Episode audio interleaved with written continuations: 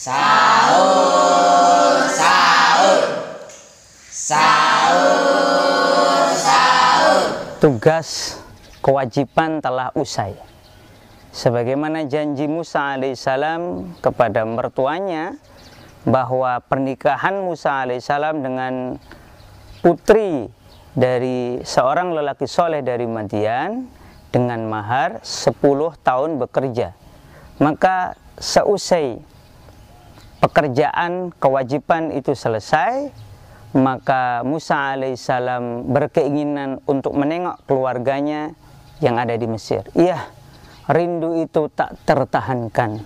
Setelah bertahun-tahun terpisah, meski diselimuti khawatir, Musa ingin menengok kembali keluarganya di Mesir. Maka Musa berangkat dengan keluarganya, membawa ternak-ternak kambingnya untuk dimanfaatkan selama perjalanan menuju Mesir. Maka dari Madian bersama keluarganya Musa menuju Mesir melalui jalur yang berbeda. Hingga di tengah malam yang gelap gulita, dingin mencekam, Musa kehilangan arah. Musa kehilangan arah karena gelapnya malam, beliau tidak tahu jalan menuju Mesir sekaligus kedinginan.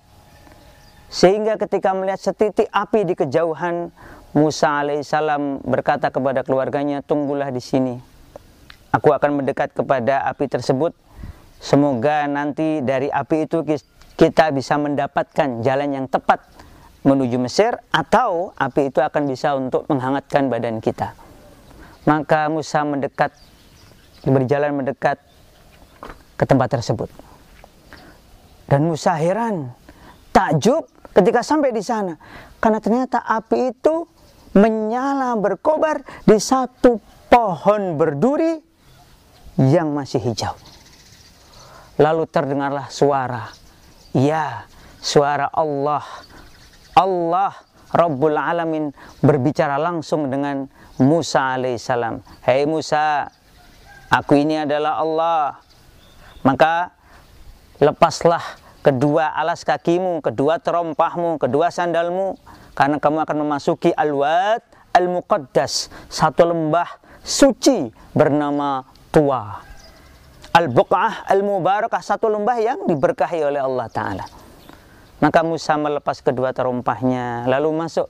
Dan kemudian Allah Ta'ala menyampaikan beberapa poin penting kepada Musa alaihissalam yang akan jadi pelajaran penting juga bagi semua orang beriman, semua da'i, di mana pun mereka berada, kapan pun zamannya.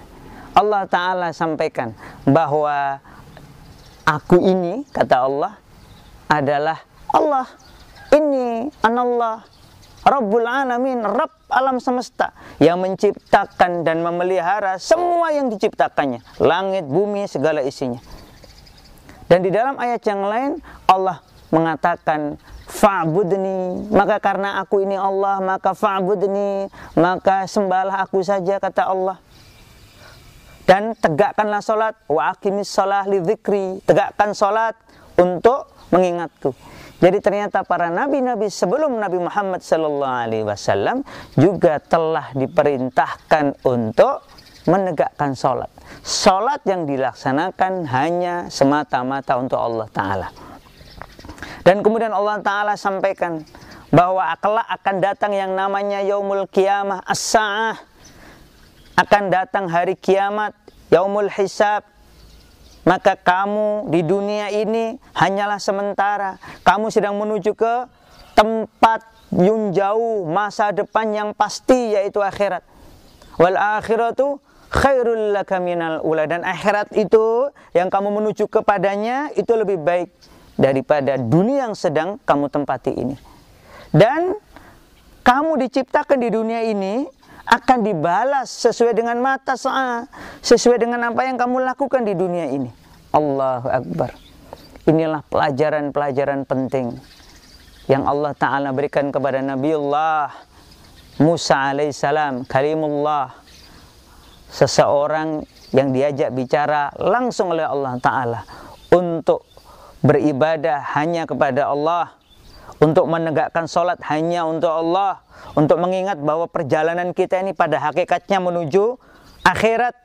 Dunia ini hanyalah sawah ladang untuk akhirat dan nanti di akhirat akan ada penghitungan bagi setiap amal baik perbuatan yang taat kepada Allah maupun perbuatan maksiat ingkar kepada Allah. Semuanya akan ada hisapnya.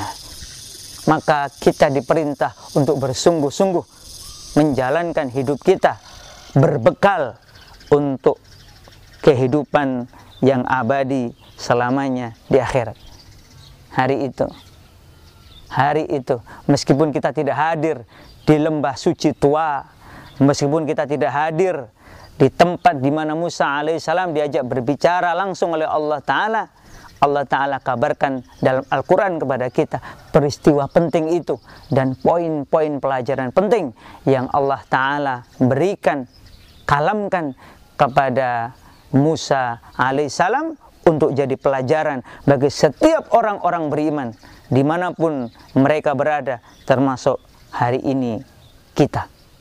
Semoga kita mengikuti apa-apa yang Allah perintahkan kepada Musa alaihissalam karena begitu dicantumkan di Al-Quran pada dasarnya itu adalah pelajaran pelajaran keimanan dari Allah Ta'ala untuk kita semua yang mengimani sebaik-baik sebaik-baik referensi adalah Al-Quran Al-Karim.